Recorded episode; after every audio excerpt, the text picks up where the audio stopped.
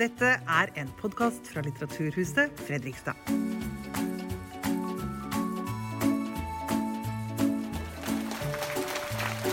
Hei, og velkommen til Litteraturhuset Fredrikstad. Jeg heter Anne Fjellro og er programansvarlig her på huset. Kim Leine er, som dere jo vet, blant våre aller fremste forfattere. Og han kommer hele den lange veien fra København. Og det er helt fantastisk med gjester fra et annet land igjen. Men altså, her i Norge så sier vi jo at Kim Leine egentlig er norsk. Og selv så sier han at han er en norsk forfatter i Norge og en dansk forfatter i Danmark. Etter oppveksten i Telemark så flytta han til Danmark.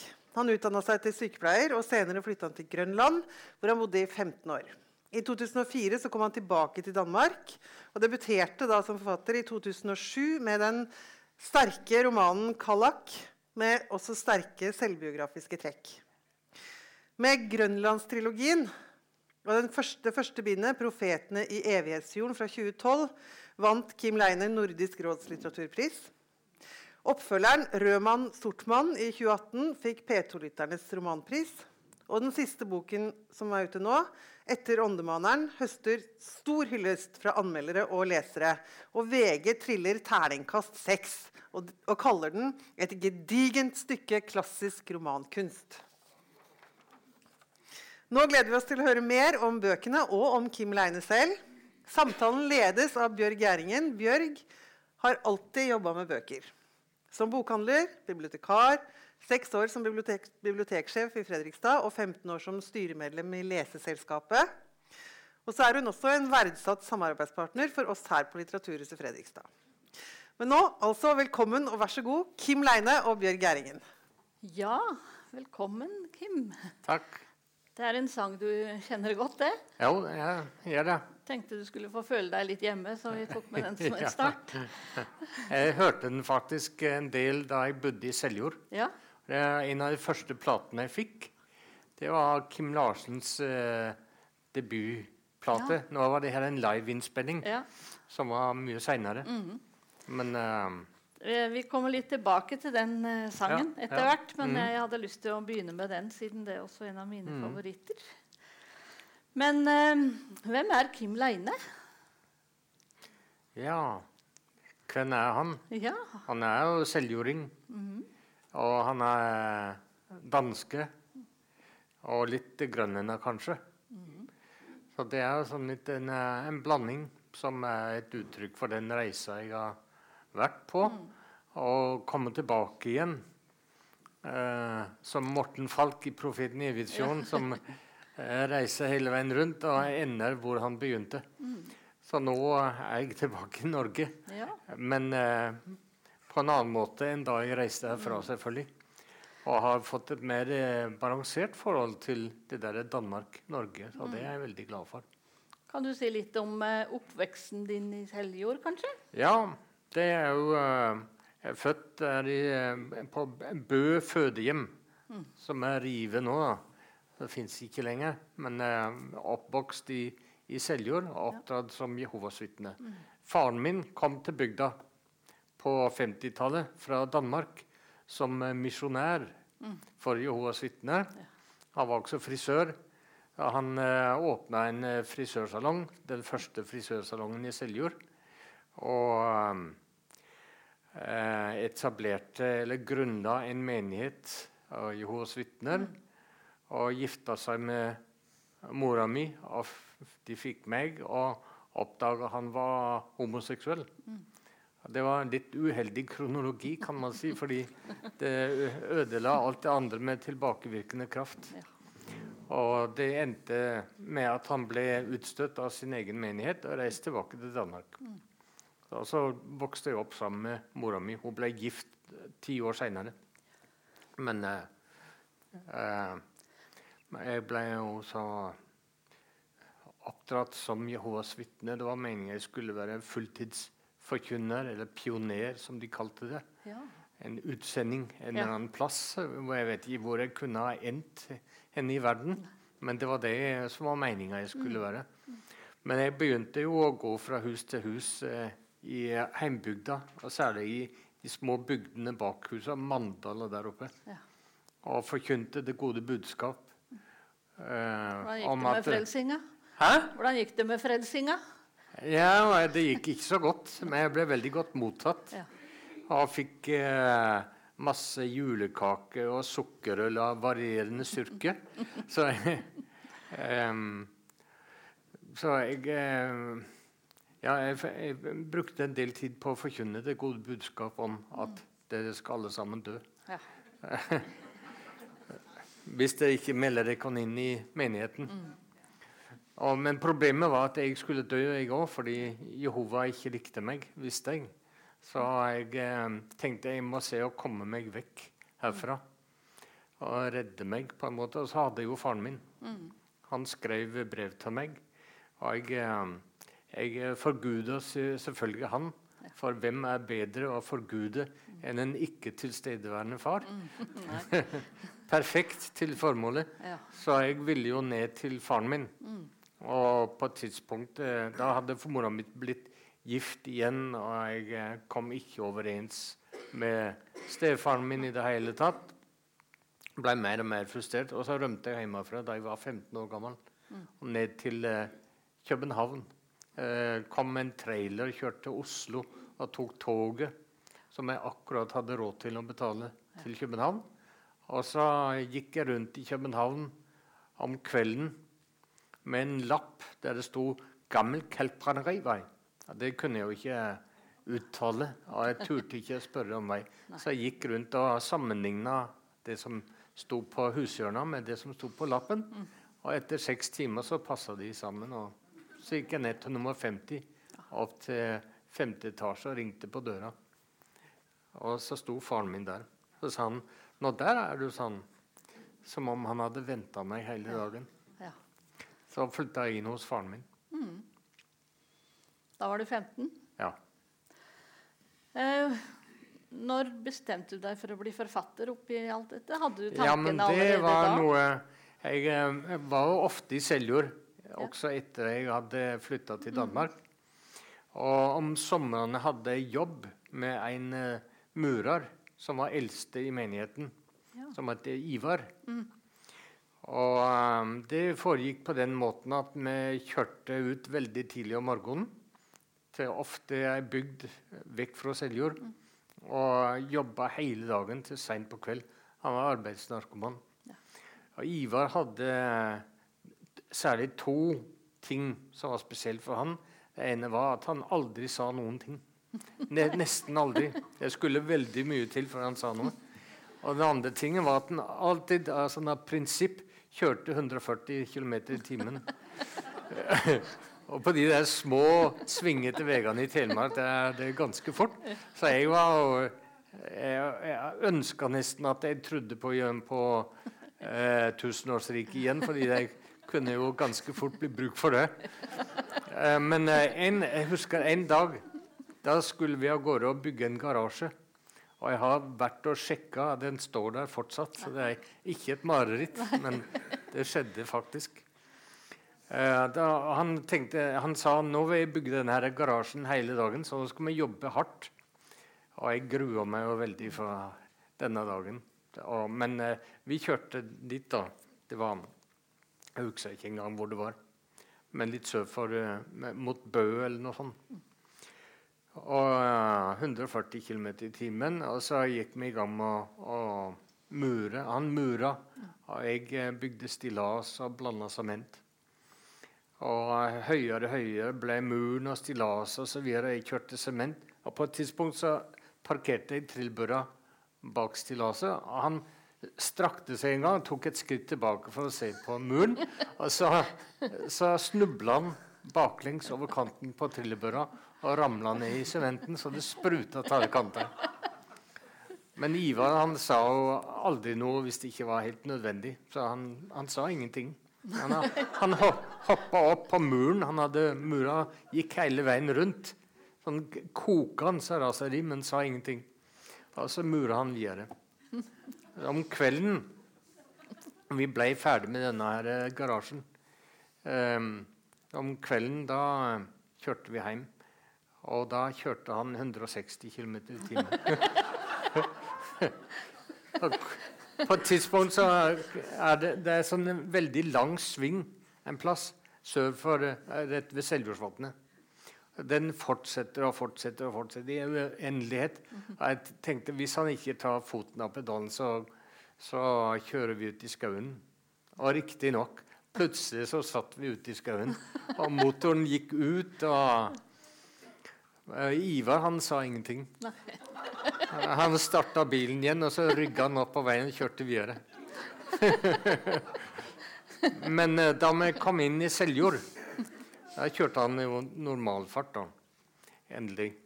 Han kom forbi kirkegården og så videre. Eh, så har han vel tenkt jeg, jeg ble nødt til å si noe til gutten, fordi ellers så sladrer han sikkert. Og det går jo ikke. Jeg er eldst i menigheten. Så han sa ja, du skjønner, jeg, kjørte av veien, ellers hadde vi velta. Enkelt og greit. Så sa jeg ja, jeg skjønte det, sa jeg. Men eh, da jeg gikk hjem fra han, da huska jeg at det var den dagen jeg tenkte jeg skal være forfatter. Ja, Jeg, jeg kan ikke jobbe med en, en sånn type som jeg er redd, og Nei. som jeg ikke forstår. Nei. Og hvis man er forfatter, så er man jo sin egen sjef. Og det var ikke noe som bare kom ut av det blå. Det var fordi jeg hadde lest eh, nesten kontinuerlig siden jeg var tolv år gammel. Var det bøker eh, hjemme hos deg? Ja, men Merkelig nok hadde mora mi Alexander Dumas' samlede verk. Ja. Og hvis du spør henne i dag hvem er Alexander Dumas, så ville hun ikke kunne svare på det. Så jeg vet ikke hvorfor de bøkene sto der. Nei. Men det gjorde de, og det var på en måte min redning. Ja. For også, ikke bare Alexander Dumas, men også de jeg lånte på biblioteket. Fordi der fikk jeg det som jeg ikke fikk ellers, nemlig noen fornuftige voksne å snakke med. Ja. Eh, og noen gode venner gjennom litteraturen. Folk som kanskje hadde vært døde i, i 100 år. Men det er jo det gode med litteratur. At man kan være venner med folk som har vært døde i 100 år. ikke sant? Ja. Så jeg ville jo gjerne være med i denne samtalen. Mm. det, det var det jeg ble bevisst om.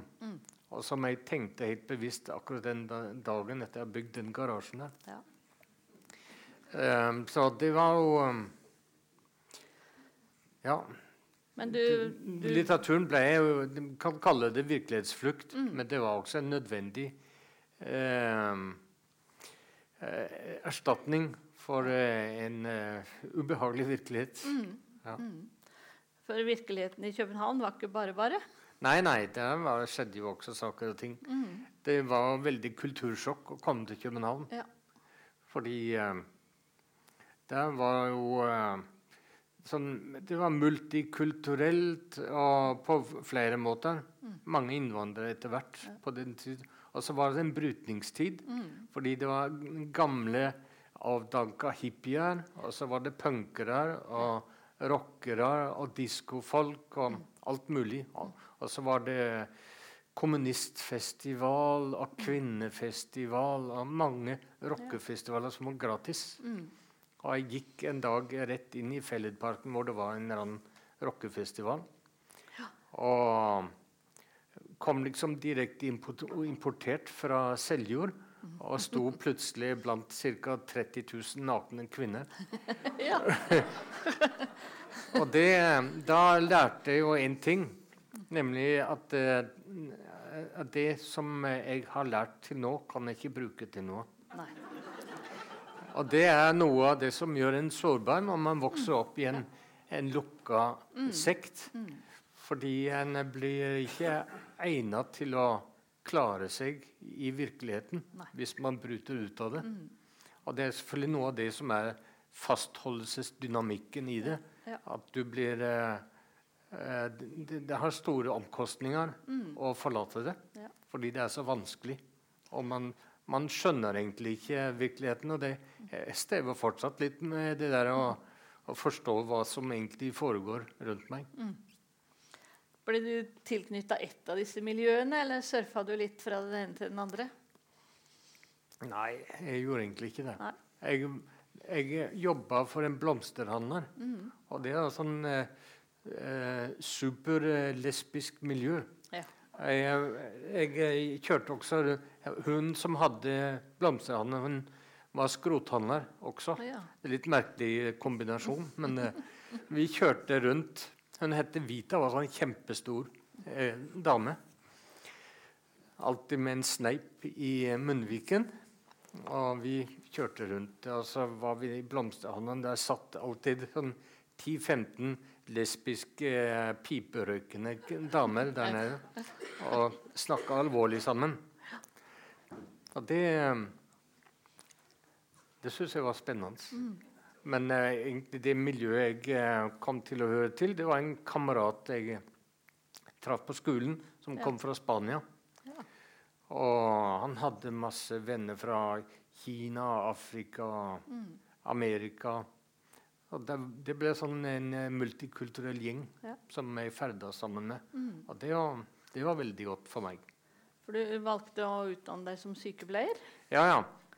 Jeg um, flytta fra faren min etter noen år, Ja. og så ble jeg gift uh, med Vibeke. Vi fikk to barn, og jeg ble sykepleier. Ikke fordi jeg hadde spesielt ønske om å bli sykepleier, men fordi jeg skulle ha et transportmiddel til å komme meg vekk. Ja. ja det var veldig mange som gjorde det på 70-80-tallet. Og tok en utdanning for å Ja. komme til ut med mellomfolkelig samvirke eller en eller annen organisasjon Ja. til Afrika eller Sør-Amerika eller Sør-Amerika eller hvor de Men på, på deg ble det Grønland? Ja, ja, så ble det jo Grønland, da. Ja. Det eh, hvorfor akkurat Grønland? spesielt. Jeg ville jo gjerne til Afrika fordi jeg Ja. Lest eh, Karen Blixen. Mm. Um, hadde fått den Karen Blixenske myten på hjernen om å, å være et kolonilignende sted og brenne ut Mm. og komme hjem som storyteller. Mhm. Det, var, det var planen min. Men så ble det Grønland i stedet. Jeg. Jeg fikk en oppringning fra, eh, fra Nuuk, og en som spurte om jeg ville komme dit. Og så tenkte jeg ja, OK, hvorfor ikke? Så reiste jeg til Grønland, og det passa egentlig ganske godt, fordi Grønland er jo Danmarks Afrika. Mm. Så det ble egentlig en Karen Blixen-historie på en eller annen måte, Ja. selv om jeg ikke fikk en farm. da. Nei. Men um, Men ble det på en måte en ny kulturkollisjon? Ja, ja, det var en ny, uh, nytt, en ny kollisjon, ja. Mm. I høy grad. Kanskje enda større enn den andre. Ja. Men der var jeg bevisst om at nå Nå vil jeg eh, Når man emigrerer, vet du, så er det jo ofte et slags tilbud om å skifte identitet og Mm. Ja. bli en annen. Mm. Um, så det var jeg helt bevisst om at nå skal jeg bli grønlender. Ja. Så jeg eh, lærte jo Gikk i gang med å lære språket. Det er et veldig komplisert språk. Mm. Uh, verbene på grønlandsk har 640 bøyningsformer. Bare til en begynnelse. Ja. Ja, det satt jeg og terpa hjemme. ja. Og så gikk jeg ned på sykehuset eh, neste dag og prøvde å praktisere det jeg hadde lært. Så lærte jeg også noe annet enn det med alle verbene, nemlig at grønlandsk har utrolig mange fallgruber. ja. Altså, man kan gjøre så mange feil fordi det er så mange ord som ligner hverandre fullstendig, men som har katastrofalt forskjellig betydning. ja. Eksempel husker jeg kom inn til en eldre kvinne som lå i senga si om morgenen, og spurte vil du elske med meg før eller etter eh, frokosten. Der jeg skulle ha sagt eh, «Esakusuppit» betyr 'vil du dusje'? ja. «Esakusuppit» betyr 'vil du eh, elske'? ja. Eh, og den slags, den slags uh, er det utrolig mye av på grønlandsk. ja. Um, et annet eksempel er at man kan ta et hvilket som helst uh, adjektiv og så fordoble en vokal midt inne i ordet, så betyr det det motsatte. Jaha. Og det er det ingen dansker som kan høre. F.eks. hvis du får servert mat og skal si takk for maten og si det smakte godt, så er det mamak. Hvis du sier mamak, betyr det smakte heslig. Ja. Eh, det er fordi du eh, fordobler a-en. Mamak. Det er to a-er. Ja. Mamak, det er én a. Det ja, er der var det masse fallgruver. veldig rart språk. ja. Verba kan stå i genitiv. ja. Det er også eh, ganske Mm. merkelig. Så det Men du har tilegna deg det språket på lik jeg, linje jeg, med jeg norsk og dansk? ble veldig flink til å snakke sykepleiergrønlandsk. Ja. Og kunne uh, si eh, Har du kramper i tykktarmen i dag? Ja. Men eh, jeg, jeg tror jeg kom opp på ca. Sånn, eh, å snakke 80 flytende grønlandsk. Ja. Så gikk det i stå for de som kunne klare meg. Og jeg har jo jobba mye aleine i bygder og sånn. Og snakka til tider litt primitivt eh, grønlandsk, men jeg kunne klare meg, så ble jeg doven. Og så fikk jeg ikke riktig gjort ferdig. Og det syns jeg er litt ergerlig. ja. Du har ikke tenkt å ta det opp igjen? Fortsette å Nei, det så, så skal det være fordi jeg har bruk for å gjøre det. Så det skjer så mange andre ting, jeg har ikke tid til det. Nei. Det er krevende å lære grønlandsk. Ja, det skjønner jeg òg. Ja. En tragisk ting er at eh, Nå skal jeg ikke kjefte så mye på danskene, men det er noen ting som de trenger å høre. Blant annet at eh, når de kommer til Grønland, så lærer de aldri grønlandsk. Jeg tror jeg har møtt to eller tre dansker som Ja. snakker grønlandsk. Og folk som har bodd der 30-40 år. Fordi det er lavstatus. Oh, ja. Ja. Dansker som er i Frankrike eller andre steder, Italia hvor det er, Der er det høystatus å Mm. Ja. kunne skryte av at Ja, de har lært språket. Så de skal ikke kunne mange setninger før de sier jeg holder på å lære det, jeg er ganske flink. Mm. Men eh, i, i Grønland er det lavstatus. Så derfor, Det virker jo smittende. ja, ja. Så det, de får ikke lært det. Er det denne kolonitanken som da sitter der fortsatt, eller? et sånn gammelt skyldkompleks og, som uh, gjør det her. Ja. Det er jo ikke fordi de egentlig ser ned på det, Nei. men det ble sånn en blanding av skyld og hva, forskjellige dårlige tanker omkring. Så tenker de det er best å holde seg vekk. Ja. Og det syns jeg er veldig ergerlig. Etter litt fram og tilbake så kom du jo tilbake til Danmark, men eh, da kom du ganske fort med en selvbiografi. Ja. Vil du si litt om den? Ja, det var Kallak Ja. etter den. Og den er jo uh, oppkalt etter meg sjøl, på en måte. Fordi uh, jeg uh, gjorde jo alt jeg kunne for å bli grønlender. Ja. Og så begynte de å kalle meg Kalak, eller Galek. Ja. Og det slo jeg opp i ordboka. Der sto, det betød en ekte grønlender. Ja.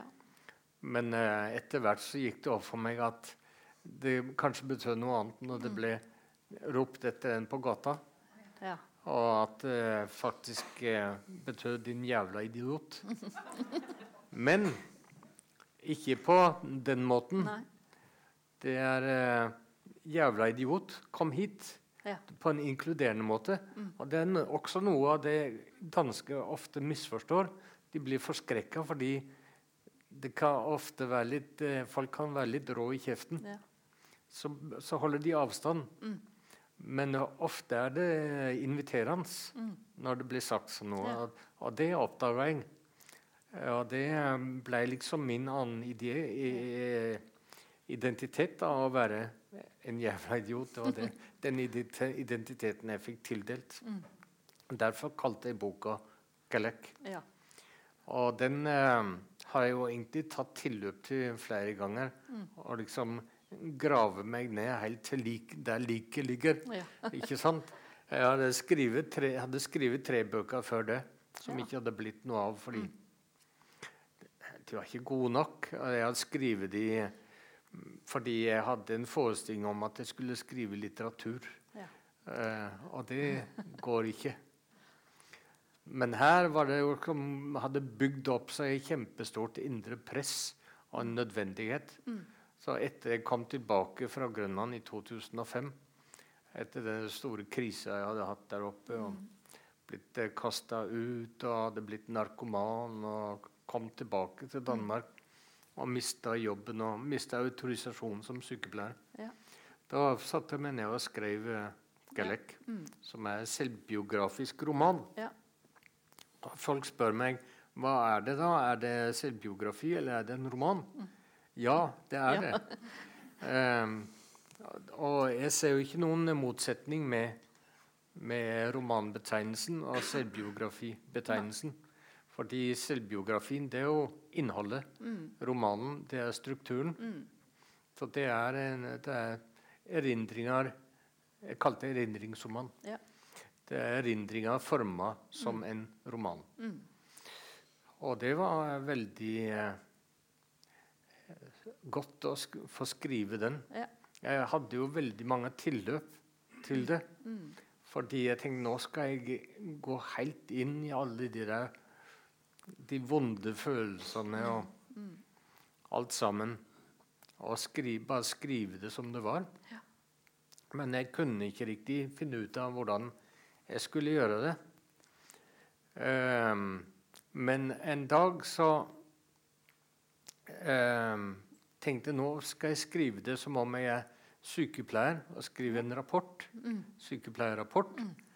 Og der er det jo viktig at man holder balansen og verken overdriver eller under, underdriver. Man skal være 100 nøktern Ja. og eksakt i detaljen. Og uten, eh, uten følelser. Så man kan trekke alle følelsene ut av det. Og det var det gjorde. Det, og det fungerte, det. Ja. Å skrive den her eh, med det kalde øyet, som jeg kaller det. Og det syns jeg fungerte veldig godt. Og det er jo ikke sånn at den fjerner følelsen bare fordi den, man fjerner den fra teksten. Nei. Det som skjer, er at man flytter følelsen over til leseren. Mm. Sånn at det faktisk virker enda sterkere. Ja. Og jeg har ofte opplevd at folk blir provosert når en skriver noe om noe ubehagelig på en følelseskald måte. Ja. Eller ja, en måte uten, uten følelser.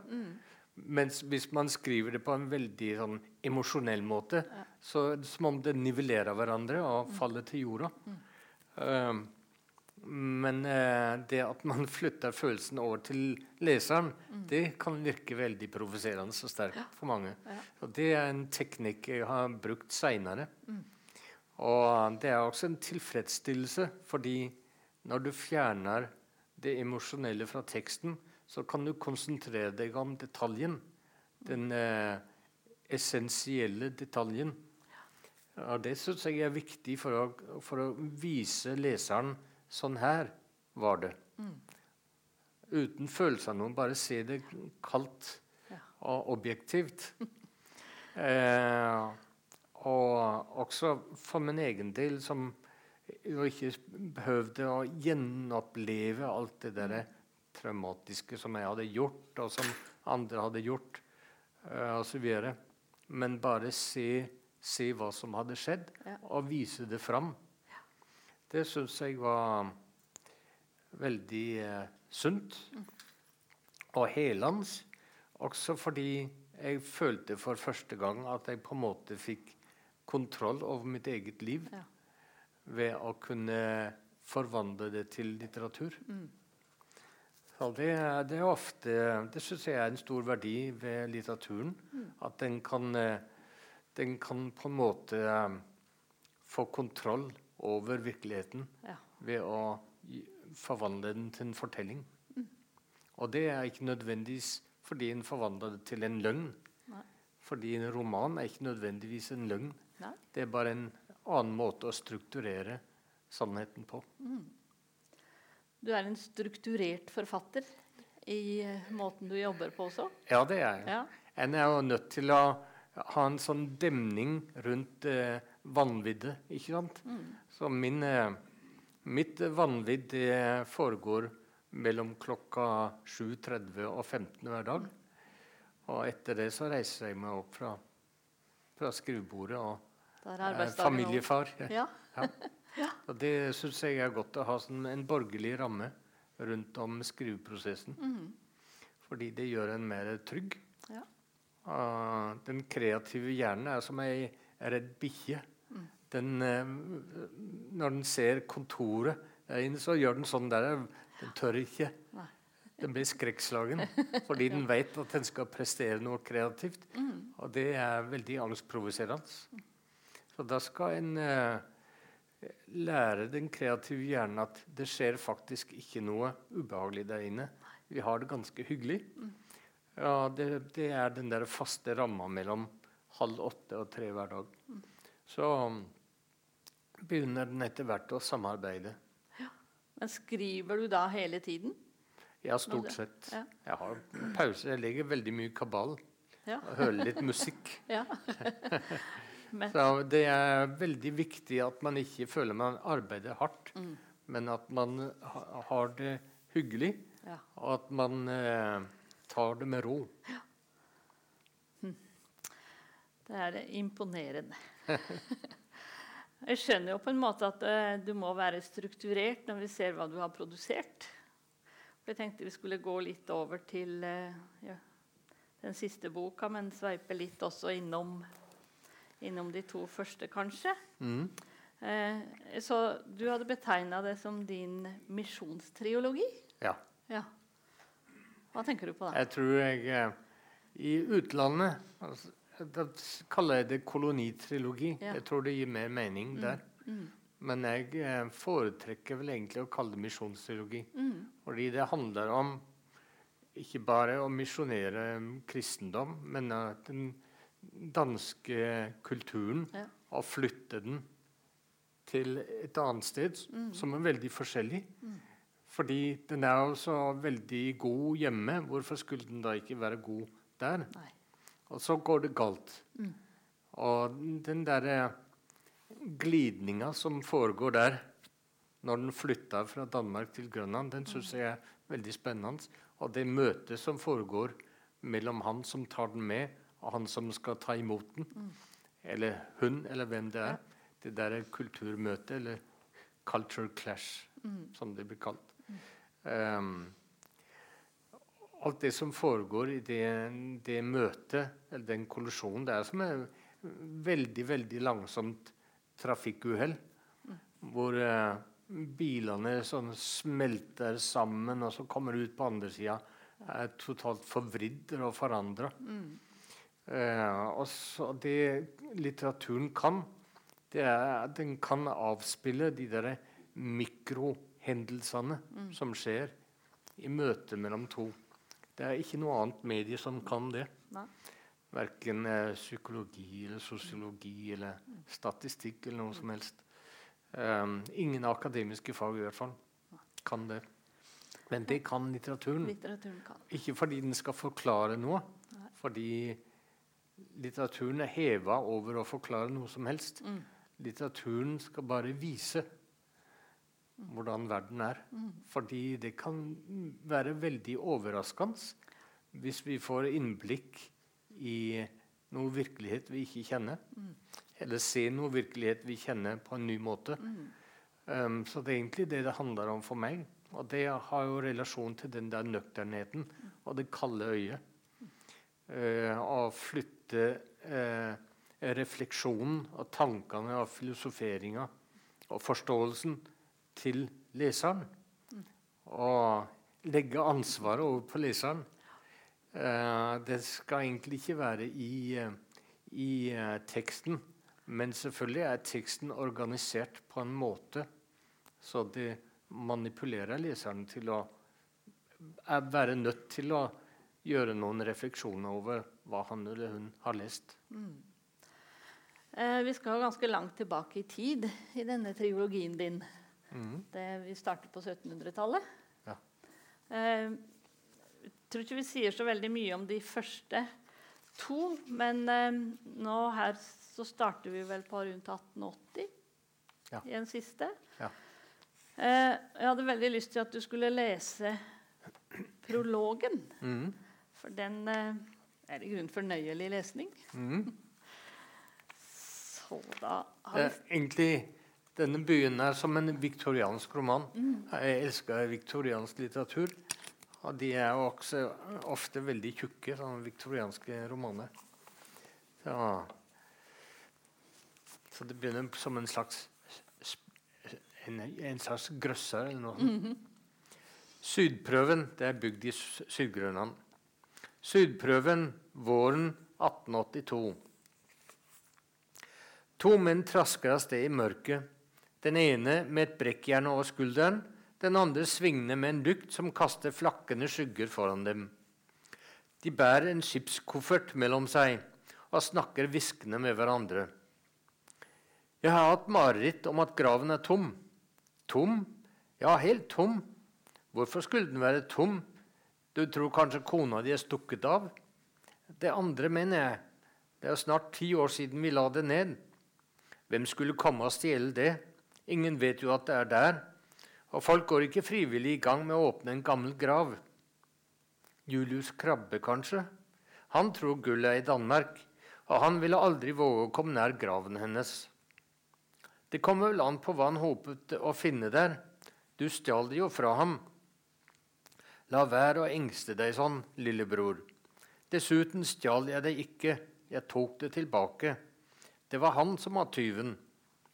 Jeg håper bare ikke det er noen som ser oss. Kanskje du skulle slukke lykten? Det er bekmørkt. Vi er nødt til å ha noe å se med, ellers risikerer vi å åpne feil grav. Vi må i hvert fall være raske. Hvis noen ser oss, blir vi eh, anmeldt. Det er straff for å forstyrre gravfreden for usømmelig og for usømmelig behandling av lik. Vi vil ikke ta mer på liket enn nødvendig. Nei, men allikevel. Det er over på et øyeblikk, bare vi jobber sammen og lar, lar være å snakke for mye. Kirkegården ligger litt utenfor bygden. De sikksakker mellom gravene. Korsene kaster lange skygger i lyset fra tranlykten. Hvor er det hun ligger? Eh, det skulle være her et sted. Du må vel vite hvor din egen kone ligger begravet?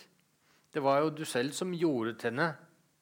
Ja, om dagen, men nå er det mørkt. Dessuten går jeg aldri dit. Hvorfor ikke det? Jeg liker det ikke. Er du redd for de døde, kanskje? Her er det. De stopper opp ved en steinsetting og setter kofferten fra seg. Han med lykten setter den litt unna, men i skjul, så man ikke skal se lysskjæret nede fra bygden. De går i gang med å lempe stein, arbeider taust og raskt. To store steinhauger samler seg på hver side av graven. Nå og da retter de seg opp og tørker svetten av pannen. Så går de i gang igjen. En kiste kommer til syne. Det er den. Kom med jernet. Fort. Han jager brekkjernet inn under lokket, som gir fra seg en jamrende lyd da han tvinger de rustne spikerne ut av treet. Han fortsetter hele veien langs kanten, må ta nesten hele runden før de får opp lokket. Endelig lykkes det. Kom med lyset. Den andre nærmer seg skjelvende med lampen. De ser på den innhyllede, døde kvinnen. De delvis forkullede levningene lukter fremdeles svakt av røyk. En hulking unnslipper den ene av dem da han kjenner den brente lukten som minner ham om katastrofen. Han, lys, han lar lyset flakke over ansiktet til kona, som er innfallent og merkelig læraktig, men på ingen måte råttent, snarere mumifisert. Dorte, hvisker han, som om han vil sikre seg at hun ikke er våken. Kom, sier den andre, det der er det ikke tid til. Vi blir nødt til å løfte henne ut, ellers tar det en evighet. Én, to, tre, ohoi! De plasserer liket, som ikke er stivt, som man skulle trodd, men merkelig mykt og ettergivende, et par skritt vekk. Bare hun ikke faller fra hverandre. Hun føler seg leddløs på en måte. Ikke tenk på det. Tenk på noe som er dødt. Det er jo det hun er. Du vet hva jeg mener. Kom og hjelp meg med disse tingene. De løfter de blytunge steinene som likkisten har vært full av, over i den medbrakte skipskofferten. Det er også flere mindre poser som er uforholdsmessig tunge i forhold til størrelsen. Har vi alt? Jeg tror det. Lus for meg. Den ene holder lykten, mens den andre søker i bunnen av kisten. Fy, for en stank. Ikke si det, det er kona mi du snakker om. Unnskyld, broderen. Vi har fått med alt. La oss få henne tilbake i kisten og sette på lokket. Da de løfter opp bulten, rakner likkledet, liket revner på midten, og knokler og ubestemmelige klumper velter ut på bakken. Den ene av mennene setter i et vræl, den andre sier faen også. Han går i gang med å måke likrestene opp i kisten med hendene. Sånn, nå er hun på plass igjen. Da er det bare å få stengt igjen. I rasende fart gjentar de manøveren i omvendt rekkefølge. Da graven noenlunde ligner seg selv, sier den ene, la oss se å komme vekk. Vent litt. Hva nå? Jeg vil gjerne si et Fader vår. Det er ikke tid til. Kom nå og hjelp meg med denne kofferten. Å, så tung den er. Hvor mye tror du den er, den er verdt? Mange, mange penger. En formue. Tror du du kan få solgt det? Jeg skal nok få solgt det. Om to måneder er det i København. Presten hjelper meg med det. Senest neste år er jeg tilbake med pengene. Jeg er rikebroderen. Han ler. Jeg håper ikke stakkars Dorte har merket noe. Hun er død, bror. Jeg vet det. La oss bære kofferten ned til båten, så jeg kan få den transportert opp til kolonien. De løfter opp i hver sin ende av skipskofferten og vakter bortover klippene med lykten balanserende oppå. Nede ved stranden ligger sjaluppen og skvulper. De lemper den blytunge kofferten om bord og flytter den litt frem og tilbake for å lage likevekt. Broren kravler opp i båten. Han skyver fra. Når går skipet? Neste uke. Vi ses om et år. Farvel, broderen. Farvel. Vær forsiktig. Han står og hører de skvulpende lydene fra årene til bare er lyden av den dovne brenningen igjen. Så går han hjem med lykten svingende i hånden og kryper ned under dynen til kona. Puh, tenker han, så var det gjort. For et mareritt. Det er siste gang jeg begår gravrøveri. Tilgi meg, Dorte. Han holder på å synke ned i søvnen da han merker noe kaldt og glatt gli ned til seg under dynen. Han farer sammen. To øyne ser på ham. Det er som om de lyser i mørket. Hvem er du? Jeg og din kone, sier en stemme han kjenner altfor godt. Kjenner du meg ikke? Jeg lå og sov, men så ble jeg vekket. Jeg visste ikke hvor jeg var. Jeg gikk over klippene i bare serken, og jeg hadde ikke engang noe på føttene. Å, så kald jeg er. Hold om meg, elskede, varm meg. Er hun død? mumler Oline til høyre for ham. Hvem? Jeg er henne du skulle bort og lese for. Nei, ikke ennå. Legg deg og sov. Hun gir fra seg noen tilfredse lyder, så blir pusten hennes rolig. Det var litt av en start.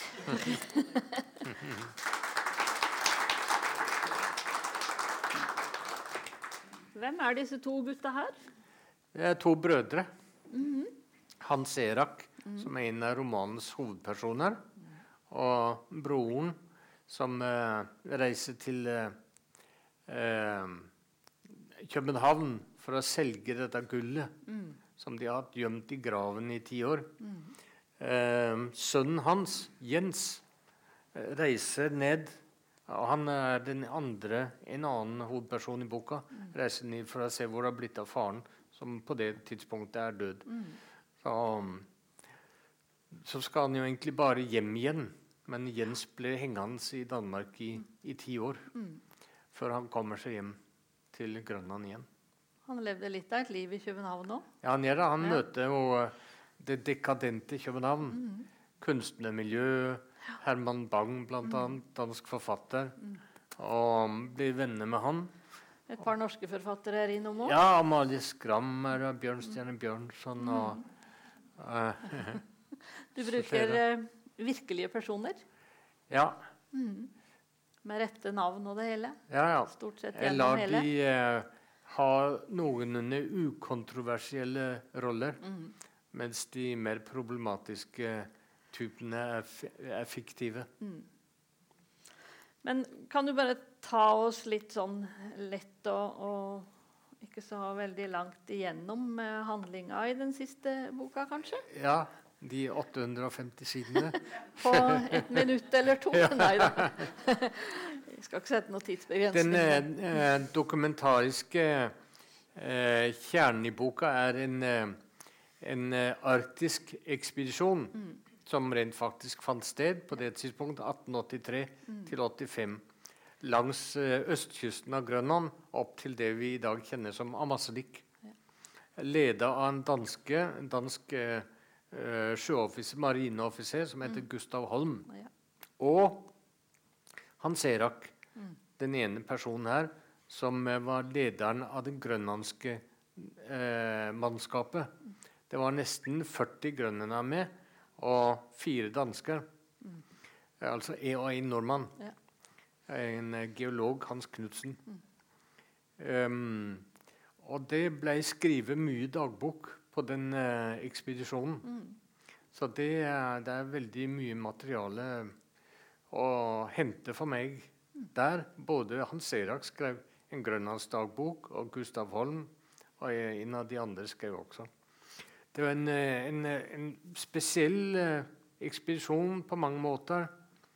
Blant annet fordi den var så udramatisk og uheroisk. Mange andre arktiske ekspedisjoner er vi jo vant til. Da drar ti mann ut, og tre mann kommer krabbende tilbake med skjørbuk og halvdøde. Her drar de eh, ca. 40 personer ut, og kommer enda flere tilbake. Så det er litt spesielt. Så de, det har noe å gjøre med det eh, ekspedisjonen ble kalt, nemlig konebåtekspedisjonen. Ja. Så de formerer seg underveis. Um, den når sitt dramatiske høydepunkt da Hans Erak han skyter av seg eh, fingertuppen. Så det um, andre dramat... Men så, det vil si, det dramaet er der jo, Ja. men det foregår et annet sted, nemlig inni hodet på Særlig på Hans Erak selv, som jo er i en vanskelig situasjon, fordi der prestene før i tida, misjonærene, de kom fra Danmark og skulle preke for grønnene, for hedninger, så skal jo Hans Erak, som er kateket, altså en slags hjelpeprest, han skal preke for sine egne og misjonere for sine landsmenn. Så det setter jo han i en litt eh, prekær situasjon. Og så er det jo også det her eh, det gamle traumet som jeg har funnet på, som er en fiksjon med eh, kona Dorte som er død i, i en brann, i en husbrann, som har veldig skyld over, Ja. og som innhenter han i villmarka der borte i Øst-Grønland. Og Han har også den kampen at han er eh, kanskje litt mer dansk i virkeligheten enn han er grønlandsk. Så han slåss litt med, med sine nasjonale identiteter. Han vil jo aldri innrømme han er, han er dansk, men det er han. Ja. Og det er også noe av det han må bearbeide, så han får god tid til å tenke over på den der reisa. Og det er det ene sporet, det er den ekspedisjonen. Ja. Det andre er Jens, nevøen hans, som reiser til København for å finne faren. Og blir eh, værende der nede i ti år og ender i, i, i fengsel med anklager for mord. Ja, mange ting skjer. Og det tredje er uh, dattera til Hans Erak, Sara, som blir tilbake i, i bygda og flytter inn hos en litt suspekt dansk, muligvis dansk. Men hva han egentlig er, det, det går litt etter litt opp for Sara og for leseren. Så det vil jeg ikke avsløre. Nei. Men det er jo eh, sånn et veldig komplisert plott som eh, skyldes at da jeg begynte på denne trilogien, tenkte jeg ikke på det som en trilogi. Nei. Så der kasta jeg bare en masse baller ut. Og så nå, plutselig, når man sitter med tredje del, så skal man få alle disse ballene til å liksom or være organisert på en meningsfull måte og samle trådene. Eh, så det var noe av det jeg hadde store utfordringer med. Men jeg tror jeg har fått sånn noenlunde eh, fått det til å gi mening til sist. Og for de som har lest 'Profeten i evighetsfjorden' og lurer på hvem som drepte enken, så kan de få et, eh, svar på det her. Kan få løsningen. Ja. Ja. Jeg skjønner jo det at det har vært litt av et puslespill å, å få sammen Ja. mange tråder og mange, mange personer å Ja. forholde seg til. ja. Og noe som jeg jobba med, var at det, de har både islandske, og, nei, islandske, grønlandske og danske navn. Og hvem, uttaler hvordan. Og, Mm. så det er et puslespill for leseren òg. ja, ja. Fram til de helt, helt er siste sidene. Men det er veldig, veldig spennende lesning, da. Men um, du avslutter 1953. Hvorfor har du valgt akkurat det Ja, året det å er avslutte fordi eh, Der uh, slutta kolonitida. Mm. Da ble den, eh, Grønland et uh, dansk amt. Ja. Så det syns jeg var naturlig å avslutte trilogien der. Mm. Og da bruker jeg en av de eh, som er opptrer i romanens eh, hovedhandling i 1880-tallet. Mm. Ja. Da blir født der. Han er jo så en litt eldre mann i 1953, men han forteller liksom om utviklinga helt opp til, til avslutninga på kolonitida. Vi kunne snakke mye om gull og om blod og svette og tårer, holdt jeg på å si. Men eh, jeg tenker at vi kan overlate til leseren litt og, og gå videre inn i det. Men eh, du er allerede godt i gang med noe nytt. Ja, ja.